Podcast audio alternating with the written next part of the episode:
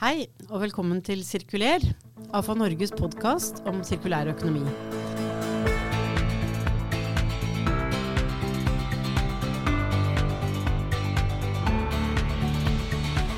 Mitt navn er Nancy Strand, og gjestene våre i dag er Terje Skovli fra det interkommunale avfallsselskapet ROAF og Ola Rones fra Circular Packaging Cluster. Vi skal snakke om et prosjekt som har vært gjennomført i klyngen, men vi skal også innom mange flere temaer. Og det store spørsmålet er jo egentlig hvordan skal vi løse utfordringene med en sirkulær økonomi for plast som fortsatt ikke fungerer godt nok.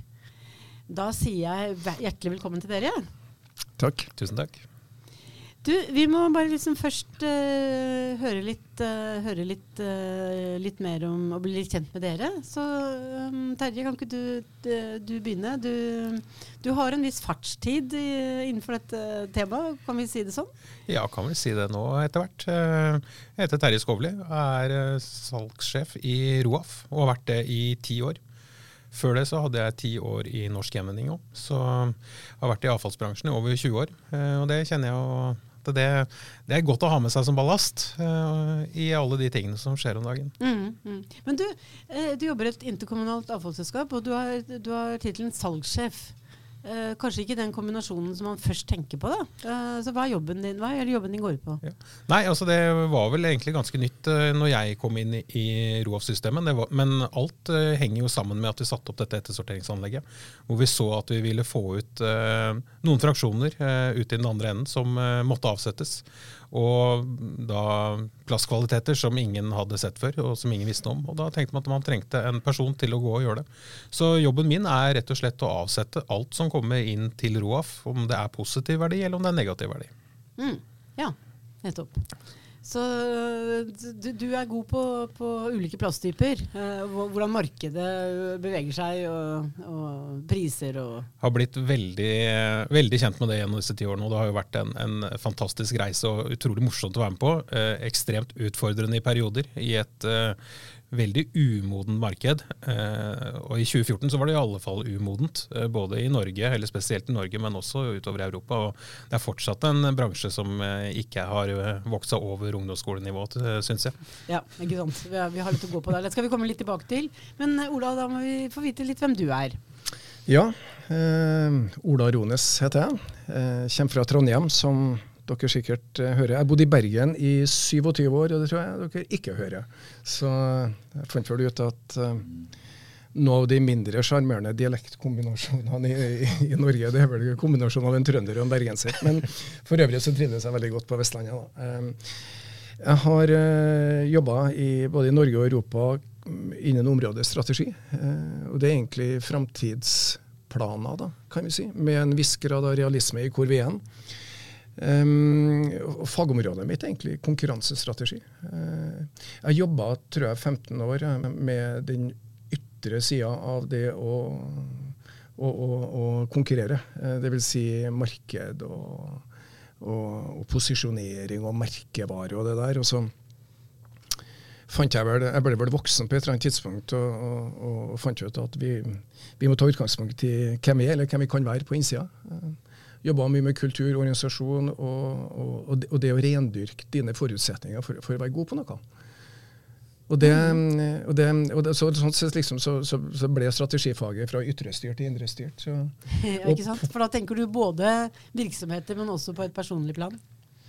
Jeg gjør det, altså. Fordi at uh, ja, for, for, min reise gikk jo også Brakte jo med seg en del større tanker om hvor vi er både som mennesker og, og systemet vårt, og, og, og, bedrifter.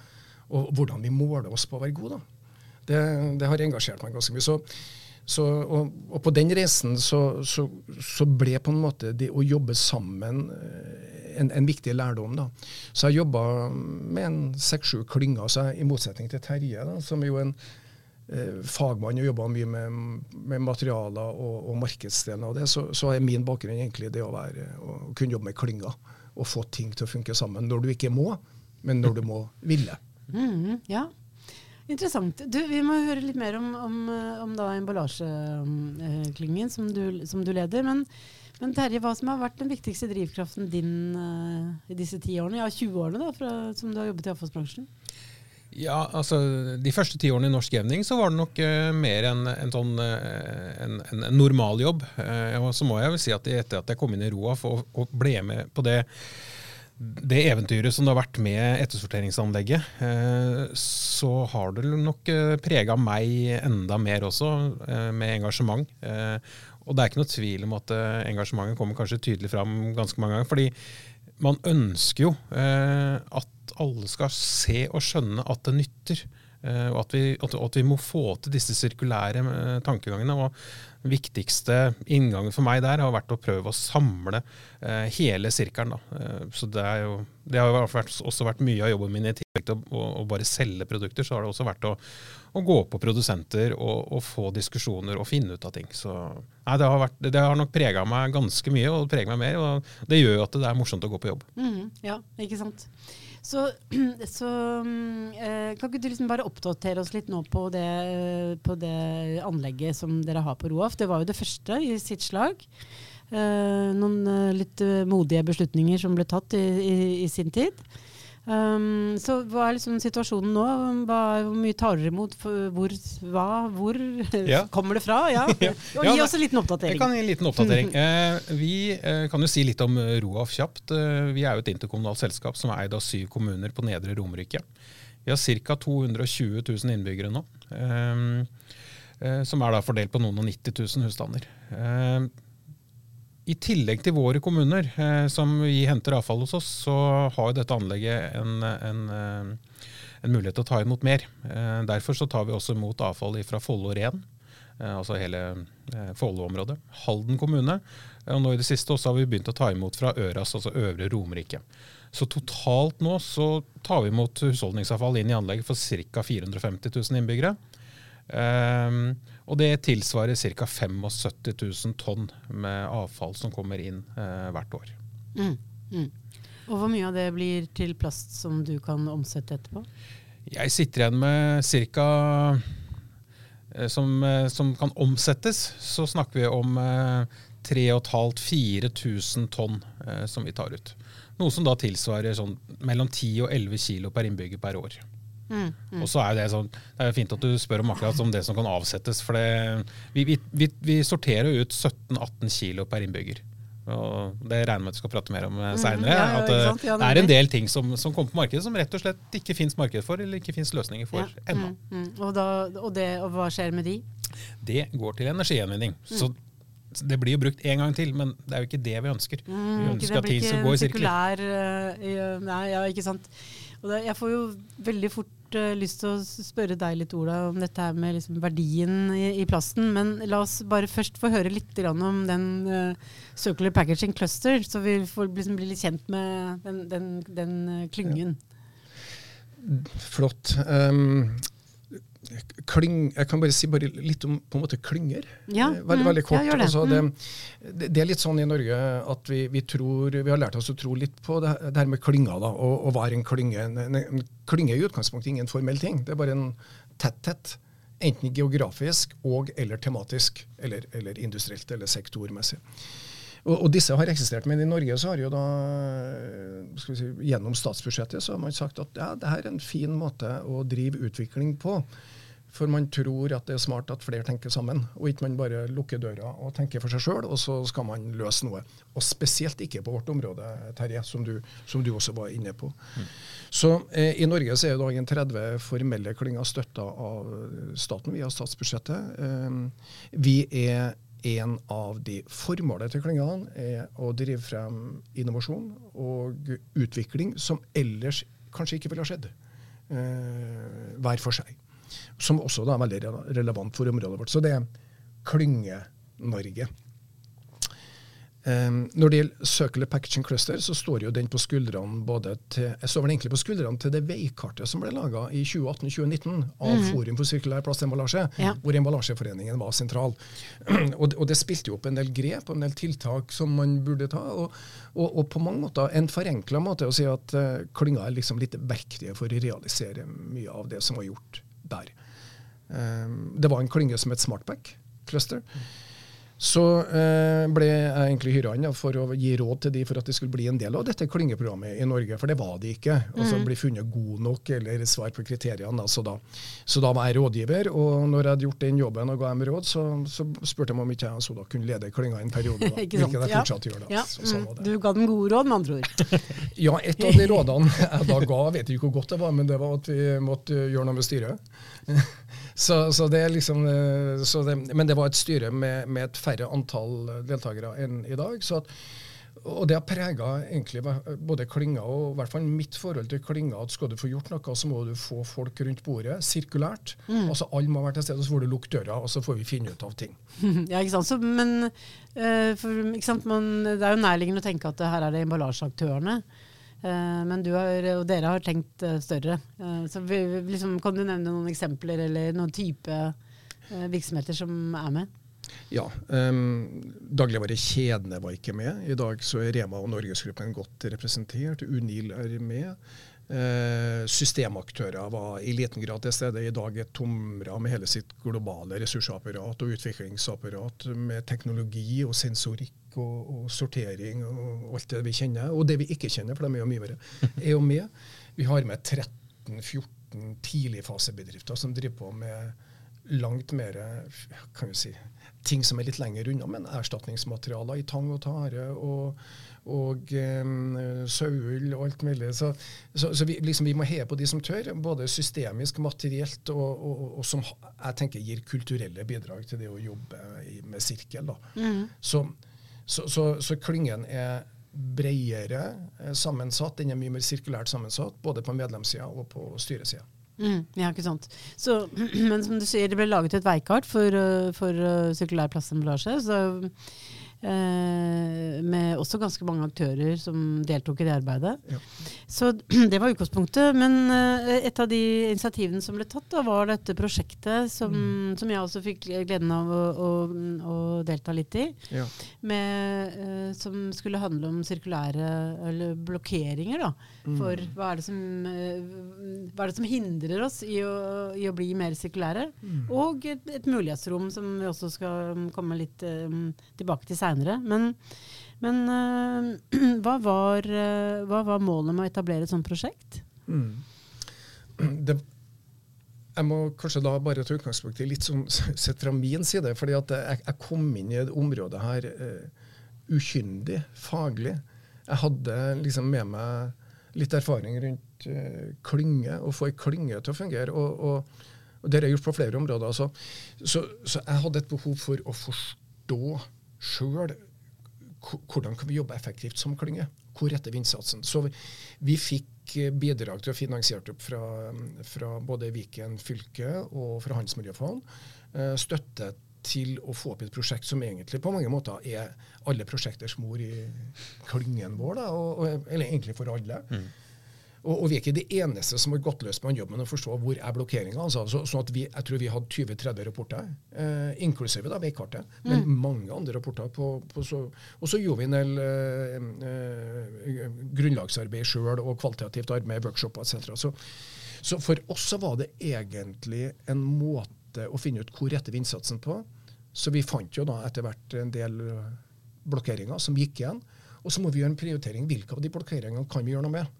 Og det har egentlig danna grunnlaget for klyngens prosjekter. Mm, ja, for å, for å jobbe videre med. Men eh, for det, liksom, hvis jeg tenker, altså Som du sier, dere hadde mange rapporter, og så kan man jo bli litt sånn sliten og tenke ja, men kjære vene, har vi ikke egentlig Vi vet jo Er det ikke bare just do it? Er vi, vi, vi har mye kunnskap her. Ja, Um, absolutt. men så, Nå skal jeg foregripe begivenhetenes gang bitte litt. Ronne, fordi jeg må jo si, Siden jeg fikk, uh, fikk uh, muligheten for å sitte i en referansegruppe, da, så jeg fulgte, fulgte dette litt, Ronne, og, eh, så, så tenkte jeg etter hvert at dette her burde flere gjøre. dette burde flere gjøre, Fordi den der å virkelig få en eh, altså at jeg oppfattet at eh, noe av det man oppnådde, da, var at man ikke bare jobb, jobbet med å identifisere blokkeringene og barrierene for å få til mer sirkulære løsninger, men man fikk også jobbet fram en omforent forståelse Ja. av, eh, av, disse, av de utfordringene. Så jeg tenker, Terje, du var jo med på Jeg, jeg, jeg tror det du nevner er noe av det viktigste. altså Få en omforent forstå, forståelse for hverandres hverdag eh, og for hverandres eh, utfordringer. Eh, for det er veldig fort gjort å, å begynne å peke på andre. eh, med hva man gjør og hva man ikke gjør. Eh, men når man, litt som Ola sa i stad, setter seg inn i et lokale, låser døra og blir der inne, så må du løse litt. Og da nytter det ikke å skyte på andre. Da må man begynne å se seg sjøl i speilet og så begynne å se hva man gjør. Og så må man få til de gode diskusjonene og de gode løsningene. og det, det føler jeg har det har blitt veldig mye bedre de siste årene. Og gjennom eh, dette prosjektet, og jeg vil trekke fram et prosjekt som heter Future Pack, som også vi var med ganske tidlig, 2015-2016 et sted. Hvor vi for første gang satte oss ned, da, sammen med, og hvor vi også ble tatt med sammen med Orkla, Tine og den gjengen der. Eh, og Det, det skapa nok eh, at det, at det begynte å starte, og at vi fikk forståelse. Vi fikk forståelse for at det ba om å måtte kle på agurken sine plast, eh, og de skjønte at eh, at de måtte lage noe emballasje som var mulig å materialgjenvinne. eh, på sånn nivå. Så det er, eh, nei, det, er, det er det aller viktigste, og det er eneste, måte, eneste veien å gå er jo å lage disse møteplassene hvor man kan komme sammen og få en forståelse for hva man egentlig driver med. Mm, mm. Ja, for, også, for det er vel riktig å, å, å si at liksom dette her med liksom pekeleken, eller the blame game, har du kalt det, Ola, har jeg sett. Altså, Det var en av, Ja. var en av blokkeringene. Det var det jo. Eh, og det ble jo satt eh, ord på av den gruppa. Kan bare si at Den, den gruppa den hadde på en måte to nivåer i seg. Det var ei prosjektgruppe med en 10-11-12 som var cirka med, altså fra hele sirkelen. da. Eh, som Terje var på, det var, det var hele poenget med prosjektet. at liksom, Det er ikke sektorisk, eller det er ikke en interessedel som representerer en halv del eller en kvart del av sirkelen. Var hele sirkelen. Eh, og så hadde vi da en 30-talls intervjuer utover det, så det var, det var et bra grunnlag. Og sånn, og vi, og vi fant jo vel neppe opp så veldig mye nytt, men en observasjon jeg sjøl gjorde meg tidlig i denne jobben. Når jeg skulle orientere meg, så hadde jeg masse samtaler med ulike ledere, og alle sammen var egentlig hver for seg ganske fornøyd. Med, med det de gjorde. Og, og de, de kunne jo vise til at de blir revidert ganske bra også av, av, eh, av konsulentselskaper eller revisjonsselskaper. Men problemet var jo at sirkelen produserte for lite gjenvinning eller sirkulær eh, ressursbruk. Så, så hver for oss er vi bra, og så sammen er vi altfor dårlige. Spesielt på plast. da. Og da, da er jo da poenget til Terje at liksom det, det, at det å få en omforent felles forståelse at det er ikke nødvendigvis mitt problem, eller det er ikke nødvendigvis jeg alene som må tak i det, ta tak i dette, for da blir du defensiv. Men vi må faktisk håndtere det. Og nå har vi jo nå har vi fått et spark bak da, eh, gjennom eh, skal vi si, utkastet forordninger og, og på flere områder da, som, som jeg tror kanskje setter litt fart i det her. da. Mm, mm, mm. Så av de fem, da, så har vi kanskje nå allerede tatt en av de, men hva, hva vil du si eh, var den aller viktigste konklusjonen så langt? Nei, altså, um, nå har det arbeidet her gått, eh, det har modna seg litt, eh, også på en måte litt i avslutninga av prosjektet, for det prosjektet avslutta faktisk med ni. da. Og, og, og um, nå får vi sikkert anledning til å gå inn i flere av de litt eh, grundigere, men, men vi er vel av den oppfatning at eh, altså Per i dag så har vi gjenvinningsmål som um, sannsynligvis er høyere enn det vi samler inn. Eh, Så vi må på en måte begynne med eh, sant? Noen sier at nei, nå må vi, nå må vi designe riktig. Eh, og det må vi jo. Eh, Men for å komme dit, som, og, og at det skal gi effekt, så må vi jo ha nok volum å sortere. Eh, Skal vi kunne sortere godt, så må vi sannsynligvis ha eh, noen flere standarder enn det vi har i dag. Vi må sannsynligvis også bli bedre til å spore. Så disse tingene henger sammen. Men hvis du liksom skal peke på én ting, så må jo vi i det lille landet Norge klare å samle inn mer på en mer strukturert og standardisert måte enn det vi faktisk gjør i dag. Mm. Hva, hva tenker du om den, øh, den konklusjonen, Terje? Jo, det er jo øh, for så vidt enig. Eh, Jeg er fortsatt veldig på at eh, design for gjenvinning er ekstremt viktig. Eh, Den, den sitter i, i ryggmargen. For er det ikke designet for gjenvinning, så, så kan, kan vi sortere så mye vi gidder, men vi får det ikke til. Men så er det helt riktig, eh, og der tror jeg at eh, den modellen som Roa valgte i 2014, eller, eller før det, men anlegget kom opp i 2014, eh, den tenker jeg er riktig. Iallfall når vi kommer oss fram til de årene vi er i nå. Hvor vi da ser at den løsningen vi valgte med å putte en, en matavfallspose, grønn pose, oppi restavfallet sammen med det andre, ikke var en god løsning. Eh, og det har vi jo nå måttet ikke krype til korset, men vi har jo bare sett at vi når jo ikke tallene på innsamling av mat. Så i disse dager så begynner vi å sette ut en egen beholder for mat. Mm. Eh, og det er jo dette Jeg har også sittet i et møte sammen med Miljødirektoratet eh, og en arbeidsgruppe i EU nå for bare noen uker siden og snakka om dette. Eh, og forklare eh, sorteringsteknologien som vi har valgt. Eh, og det er en sånn stor misforståelse rundt omkring om at det, det er kun en ettersortering. Altså, innbyggerne behøver ikke gjøre noe som helst, mm. men vi er helt avhengig av en god kildesorteringsløsning først. Mm. Men så er det ikke noe tvil om at vi trenger en ettersortering av restavfallet. Det ser vi gang på gang når vi kjører noen testlass for andre kommuner eller andre områder eh, som har en kildesorteringsløsning for plast. Eh, og når vi da får en restavfall dem, så kjører det, så er det mye plast igjen. Mm. Og maskinene bryr seg ikke om det er litt rester i det, eller, eller noe som helst. Så den sorterer jo det vi har bedt den om å gjøre. og da, Det er jo der lekkasjen er. Mm. Så, så det, er, det, er, ikke noe tvil. Men vi, det er veldig viktig for oss å presisere. Eh, kildesortering og ettersortering er hånd i hånd. Eh, mm. Det må ja. henge sammen. Det er to sider av samme sak. Ja, ja helt men, klart også. Mm. Men altså, jeg oppfatter jo nå at det er ganske mange som tar til orde for at det, det er Vi leter etter et, en nasjonal harmonisert uh, løsning. Mm. Uh, og da tenker vi liksom si, fra noe blir avfall, da, til du får det inn i systemet for gjenvinning. Mm. Og det er jo et stykke vei å gå dit. Vi har en kjempevei å gå. Så kommunale, interkommunale selskaper vi, vi, har jo vært flinke til å lage våre egne systemer. Altså Når vi ikke engang klarer å bli enige om farger, uh, nå som vi endelig har blitt det, så er jo det en, et fantastisk fremskritt. Men det skulle vi gjort for 10-20 år siden. Eh, for så vanskelig skulle det ikke være, men, men, det er det jo. For vi sitter jo på våre egne tur. Og dette er jo også litt sånn klyngemat. Da, at jo, vi må samarbeide mer, også internt i, i, i innsamlingsbransjen. Mm. Eh, det er ikke noe tvil om. også. Ja, nei, altså, Vi fikk jo denne felles merkeordningen, som, jeg, som også mm, opplever som en sånn veldig et godt instrument da, med tanke på at både de som jobber med emballasje, dagligvare og avfallsbransjen er, har et samarbeid om å finne godt, en god løsning. Mm. Eh, som, kanskje, som, også jo er nordisk og kanskje blir europeisk. Og Det som er veldig fint med, med den merkeordningen, må jeg bare si at det, der har jo egentlig disse produsentene vært mer på banen enn vi eh, kommunale selskaper har vært. Ja. For Det er bare å begynne å gå og se i butikken, og så ser man jo at de har bytta merke. Det er ja. klart det er lettere for de å kanskje bytte merke da, enn at vi må begynne å bytte lokk på dunker og den biten her, men der syns jeg industrien, iallfall de aller fleste, har vært veldig, veldig påskrudd. Altså. Mm, mm, ja, ikke sant. Mm. Så, men er dette, noe, er dette noe skrekkelig kontroversielt, eller?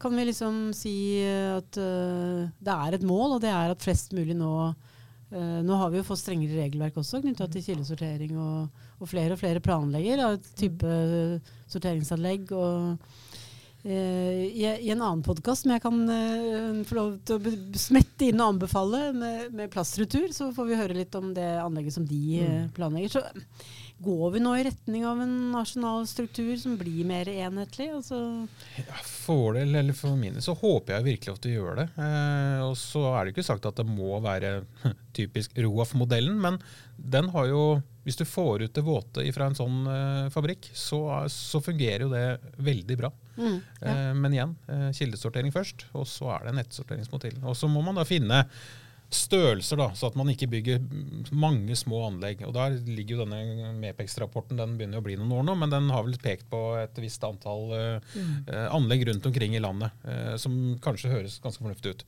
Mm. Og hvis vi da plastretur eller andre også da kommer på plass med en finsortering av den plasten, så kan jo disse anleggene rundt omkring i landet ikke være så avanserte som det vi bygde, og, og dermed også billigere og enklere og, og sikkert å få gjennom også. Mm. Jeg kan vel en liten kuriositet i den sammenhengen. Jeg var heldig å bli invitert inn i en sånn rundebordsdialog i ISWA. Uh, International Solid Way and Waste Association eh, på europeisk nivå. Da, og, og som tydeligvis var vel jeg sett på som en representant for eh, et land eller et, et system som fungerer bra. da. Og så, så, skulle jeg trekke frem og gi de en del råd i det, det møtet, hvilket jeg begynte med. Men han var jo forberedt, han, forberedt, han som han som leda den, den, dialogen og stilte meg spørsmålet som intro at uh, hva skal du gi oss råd om, dere som har 50 forskjellige systemer og har uh, 6 millioner innbyggere? Er det det vi skal implementere i Europa? Så det er kanskje et uh, Ubehagelig. Ja, så det, det ga meg en litt tung start. Altså, den blokkeringen er, er fortsatt høyst relevant ja. i forhold til dagens situasjon. Men um, det er jo noe med liksom, system Det er vel det som er interessant eh, når man jobber gjennom, gjennom, en klynge. da. At du har muligheten for å se på det på et systemnivå, og så se ok, men hva må hver enkelt aktør ja. her. Uh, det, ja, det er enig i det. Det er, jo, det er jo systemisk, og det området vi, vi, vi, jo jobber på, vi som er til stede her, og de fleste som hører på, er, er, er jo veldig systemisk. Eh, fordi at skala er et moment, mm. blant annet.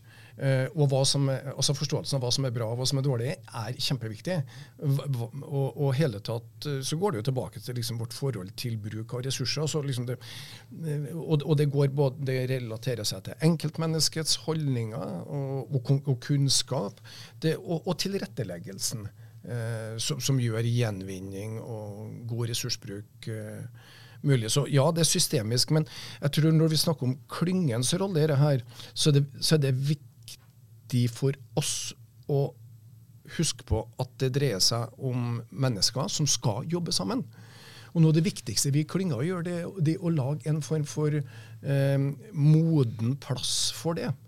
Og vi, vi, har ingen andre motiver enn det som står uttrykt i strategien til klynga på nettet, og det er å øke sirkulær ressursbruk. Sånn at det, jeg opplever jo at I forhold til den pekeleken så er liksom den redselen for hva endringen betyr for oss, enten kostnadsmessig eller måte å jobbe på, eller noe som ikke gagner oss, den, den, den har jo stått i veien for litt progresjon. da. Det, det, tenker jeg. Sånn at det å ha en trygg, moden, åpen, med høyt under taket-type arena, er jo den rollen Klingen kan spille. Mm, mm. Men jeg har litt lyst til å snakke litt om den den uh, som dere vel kalte altså kommersielle hindringer i, i, i dette. Mm. Uh, for du er litt inne på det. Altså, hvis man ikke oppfatter, i hvert fall en bedrift, da, mm. som ikke oppfatter at dette er til, til, vår fordel å gjøre, så vil man jo nøle med å gjøre det, for å ja. si det sånn. Ut fra et hvis det er valget mellom hva som tjener bedriften og hva som tjener ja. systemet, så er bedriften på en måte pliktig til å velge det som Så, mm. så hva, hva, slags type, når dere kaller det kommersielle hindringer, hva slags type hindringer var det dere så, det så på? Jeg tror jeg var en av de tydeligste signalene på tvers av den arbeidsgruppa, det var at det er for lite lønnsomt å gjøre gode valg. Mm. Og, og, og, og, det er for lite, kan jeg si, det får for få og små konsekvenser å gjøre dårlige valg. Uh, og det er jo, og har vært, og er vel fortsatt uh, rimeligere å bruke jomfruelig plastemballasje, eller plast til emballasje, enn en gjenvunnet. Og så er vi fullstendig klar over at det er utfordringer med gjenvunnet uh, plast som emballasje på høyverdig bruk. Da. Mm. Så, så det, det, det, vi skal ikke forenkle det for mye heller. Men, men, dette har, men den kommersielle utfordringene det, det, går på prisen på gjenvunnet, det går på, det går på kvaliteten, forutsigbarheten. Um, det, det hele kostnadsspillet. Og, og, og, det er også sånn at når du kjøper en maskin, eh, pakketering, eller, eller, når du skal pakke en, en, eller annen vare, så skal den vare noen år. Ikke sant? Og det, det, er ganske mange maskiner som er kjøpt for noen år tilbake, som ikke er tatt hensyn til nye direktiver og forordninger, f.eks., for og de skal jo tjenes inn. Og jeg må vel også si uh, at vi opplever vel at uh, per i dag så, så, så, er kortsiktige økonomiske resultater mer tungtveiende enn det de kan være. Mm. I forhold til å få til endringene som vi må få til. Mm. Mm. Det, det, opplever jeg i hverdagen. Uh, vi har jo mye, mange prater med mange produsenter. Uh, og det er jo ofte sånn at det, det sitter ganske Altså, Industrien bruker ganske store ressurser og har ganske mange emballasjeutviklere og, og mennesker i disse bedriftene eh, som er genuint interessert i å lage en, en god eh, og, og, gjenvinnbar emballasje. Mm. Men så sitter det også noen markedsavdelinger rundt omkring som sitter på, med pengeboka til slutt. Eh, og, og, da har det en tendens til å trumfe. Det har blitt bedre, men det er fortsatt eh, de eh, spørsmålene der som dukker opp, og, og som er en, en klar hindring. Mm. Og så vil jeg jo også peke på, som du også nevnte til å begynne med, Ola, er det er for billig å putte drit på markedet. Altså det, det, lager du god emballasje, så skal det koste lite. Og lager du dårlig emballasje, som er vanskelig gjenvinnbare, eller umulig gjenvinnbare, så må det være en form for en et trappetrinnsmodell. Svenskene har jo begynt med det. Uh, og jeg, jeg, tenker at det, det, er nok det må til. Og det, uh, eh, EU kommer også med den nye forordningen nå, hvor de sier at det skal brukes gjenvunnet plast inn i nye produkter. En måned halvannen etter det skjedde, så økte prisene til, på de produktene som jeg selger, med tregangen. Ja. Mm. Så det, det, funker jo at EU faktisk nå er tydelige og, og veldig raske i de, i de, tingene de gjør. Mm.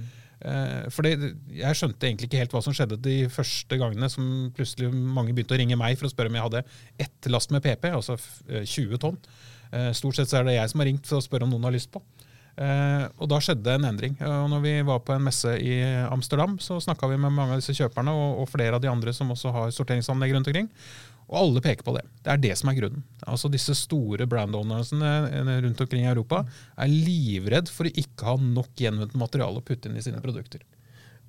Så jeg kan bare fortsette litt på den. fordi Det er jo ikke alle sammen som, er, som mener at det å regulere seg til en framtid gjennom ja, reguleringer eller direktiver eller forordninger er den beste løsninga. Her, her, må jo på en måte samfunn næringsliv øh, fungere med en egen motor.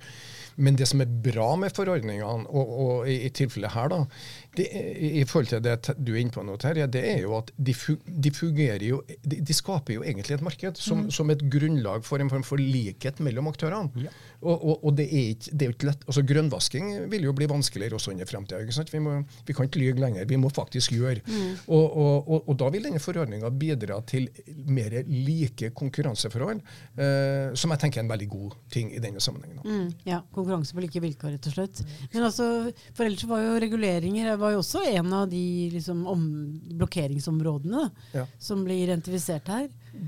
Det er riktig. Uh, nå var det liksom uh, det, det, gikk vel også litt på at uh, vi kunne gjennom, gjennom, intervjuene og undersøkelsene vi gjorde i prosjektet, så, så, var det en del oppfatninger om at direktiver og ja, retningslinjer, standarder, forordninger for den saks skyld, regulativer er litt vanskelig å forstå. Eh, det går jo på språk. Det går på hva gjelder nå. Hva vil gjelde om tre år? For det er så mange rykter. Og det i seg selv førte jo til en egentlig passivitet. I, motsetning til en proaktivitet. For man sier hva, hva gjelder egentlig? Det kunne noen hevda også i prosjektet at uh, det kanskje var en, eh, en, forklaring man uh, la til grunn for ikke å ta kanskje de, de, løftene som man så måtte komme en dag. Det skal ikke jeg slå fast at er det slik det er, men, men, men usikkerhet rundt regulativa, hva skjer, det, det har vært en, en problemstilling. Mm. Vi tolka det som at den er det lett å gjøre noe med det, det, er vanskelig å gjøre noe med prisen på plast eh, ja. på et internasjonalt nivå. Ja. Men mm. disse, det å ha et sted hvor man kan være oppdatert på hva gjelder, det burde være ganske enkelt. Mm, ja, ikke sant. Så det, um, men samtidig er det riktig å si at, uh, at i hvert fall særlig på EU-nivå, da, så har vi, liksom, vi, har, vi har gått fra et emballasjedirektiv Uh, og så får vi nå en forordning som det er jo en mye strengere regulering. Mm. Uh, så Um, mister man da noe av den liksom, hva skal jeg si, for noe incitamentet da, som ligger i at dette også drives fram? Vi skal ha konkurranse på like vilkår, men vi har jo også lyst til at dette her skal være en konkurransefaktor, eller er det, er det bedre for næringslivet at det blir en forordning hvor det er Sånn blir det ferdig snakka. Jeg, jeg, jeg, jeg tenker jo at det er greit at det ligger en forordning i bånn der. Eh, og, som ligger som et godt grunnlag for at det blir en, en fair og square konkurranse eh, rundt der. Og så er det masse mer å jobbe med som kommer i tillegg til de forordningene. Eh, for det, man ser jo det med Green Deal og alt dette som EU har gjort nå de siste årene, hvor de virkelig har satt fart på det. Og, og, og de har jo også vist at de mener det. Og da, da, skjønner industrien det, og vi også. Uh, og da, det, det, det, skaper veldig mye drive. Og det, jeg, jeg tror vel at så lenge man holder det på et, et, et, greit nivå, at det ikke blir veldig, veldig spesifisert uh, regelverk, altså helt ned til plasttyper og det er ikke lov og det er ikke lov, så, så tenker jeg at det, det er veldig bra som, en, som et grunnlag. Mm. Mm.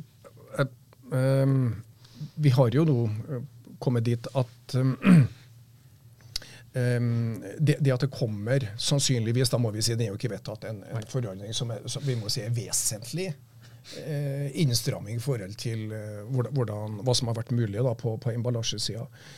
Så, eh, så, tenker vi at det, ok, da er det kjent, da er det på bordet. Da må alle forholde seg til det. Det er et glimrende utgangspunkt for å drive ambisiøs innovasjon. Og det er en del ting vi ikke kan gjøre i Norge på det, på, for på løsning, men det er en del ting vi kan gjøre. Og jeg tror, at, liksom, jeg tror jo på den, det bildet av at vi i Norge kan være piloten i Europa da, på å få ting til å funke, eh, i samarbeid med Norden på en del områder, med Nord-Europa. Men jeg tror at vi har en mulighet for å gå i spiss da, gjennom teknologi. Vi er ganske glad i å samhandle i Norge. Vi har blitt det på 10-15 år. Eh, I motsetning til lengre sør i Europa, hvor det, hvor det ses på med mistenksomhetens øyne. da. Så, så, jeg tror at vi, vi, vi, i Norge kan få til mye, og vi kan finne løsninger som er eksportable både på delnivå og systemisk nivå for Europa. Mm, mm. Men hvor viktig er liksom det personlige elementet her? Altså at, øh, som du sa, altså at man har samme forståelse, at man har riktig kompetanse. Det er jo liksom fra liksom den enkelte designer den enkelte kommune, for den saks skyld, altså, og, og, de ulike kjedene osv. Det, er, mm. det, er, måte, det er personer. Alt handler jo om personer. Ja, mennesker. Og... men de sitter i ulike posisjoner. Så hvor, liksom, hvor viktig er den jo, den ehm. tror jeg er kjempeviktig, da, Nancy. Ehm, men Terje var jo inn på det at eh, det har skjedd ganske mye ting, og det har skjedd mye positivt. Og jeg opplever at anerkjennelsen for at ja, vi må samarbeide om disse store tingene, vi, vi klarer, det er helt umulig at jeg kan løse. Og det, og det, det er ingen glede i å skinne i et kort øyeblikk alene. Eh, vi, vi, vi, må levere som system. Den anerkjennelsen og de initiativene som tas i dag, det, der, der skjer det veldig mye eh, positivt. Men bare litt i fortsettelsen av det, da, så, så opplever vi vel også at den forståelsen og, eller den, den praktiske samarbeidet um, Det har for få eh, arenaer. Altså vi, vi, sitter fortsatt og jobber fram løsninger litt for mye hver for seg. Da. Så En ting jeg gjerne kunne snakka litt om um, kanskje litt senere i praten, men det er noe som vi nå på en måte løfter frem som vi kaller en Circular Packaging Design Lab. Da. Og Det er for uh, designere og innsamlere og sorterere å sitte rundt bordet og løse en emballasje. Mm, mm. Ja. Det, det, kan vi si litt mer om. Sånn, før vi liksom, uh, runder av alle utfordringene, så For jeg tenker jo at en del av dette her også må handle om nye forretningsmodeller. altså at uh, man ikke man kan ikke tjene penger på samme måten lenger. Man kan ikke skape verdier på samme måten lenger. Altså hvordan, hvordan kom det fram i, den, i, i det prosjektet liksom, knytta til hvor, hvor, hvordan skal man få til den omstillingen? da? Uh, å skape lønnsomhet og, og, skape ny verdi, rett og slett. Mm. Um, ja, jeg, jeg kan bare um, Det er uh, Per i dag så er det mm, for få insentiver i forhold til å, forhold til å få til lønnsomhet. Uh, og det, det, her er jo to muligheter. Eh, det ene er jo at man regulerer seg til en eh, form for lønnsomhet for aktører som går inn i markedet. Det har man jo gjort på en del områder. Eh, elektrisk, elektrifisering av transport og, og veier f.eks. Det er jo én måte. Men, men den bærekraftige måten å få dette på, er jo, er jo at det er framtidsretta lønnsomt å gå inn. Og da må det være markeder med betalingsvilje, og, med betalingsvilje for de brukte fraksjonene og, og innen plasten. Og det. Men det var jo du litt inne på i stedet, Terje, at der er det en eh, utvikling som går rett vei. Det, det, det, går definitivt uh, rett vei. Langt, langt, igjen, men det, det, er helt klart at det, har, har, skjedd mye på akkurat den biten der. Så tenker jeg jo også at eh, det er jo noe med Noe som EU også har satt veldig eh, press på nå, er jo dette produsentansvaret. Mm. Eh, som de peker veldig tydelig på. Det er nok også noe som eh, må gås opp en, en, runde med flere. For det, det, ligger jo i ordet produsentansvar. Eh, og det har nok vært en eh, I hvert fall sett fra, fra vår side så, så, ser det ut som jeg tror kommuner og, eller innbyggerne, rett og slett, eh, vi som eh, betaler renovasjonsgebyr, betaler en, en, stor andel av den biten som egentlig produsentene skulle betalt. Eh, men til slutt så er det forbrukeren som må betale det uansett. Men det er liksom hvor skal man legge det. Mm. Men det er vel også en, en diskusjon som, som, må gå også. Og Det, men så må vi si da at i Norge er vi heldige. Vi har produsentansvar på veldig mye. Eh, har jo vært rundt omkring i Europa, og det er mange selskaper der hvor dette er helt nytt eller er helt fraværende. Mm. Eh, og, da, og, da, er det veldig vanskelig mm. å, å, drive med noe som helst. Ja. Så det er noe med at systemet er på plass i Norge, og så må det jo tunes enda mer. Dette er jo et kjempespennende tema, og vi har eh, masse mer på lager. Så eh, vi tar rett og slett en, en, liten pause og avslutter denne episoden her. Så skal vi komme tilbake med mer. Så da dette er bare anledningen til å si tusen takk til eh, produsenten vår, Håkon Bratland, og alle dere som har hørt på i dag. Så bli med videre, så kommer det en episode til. Takk for nå.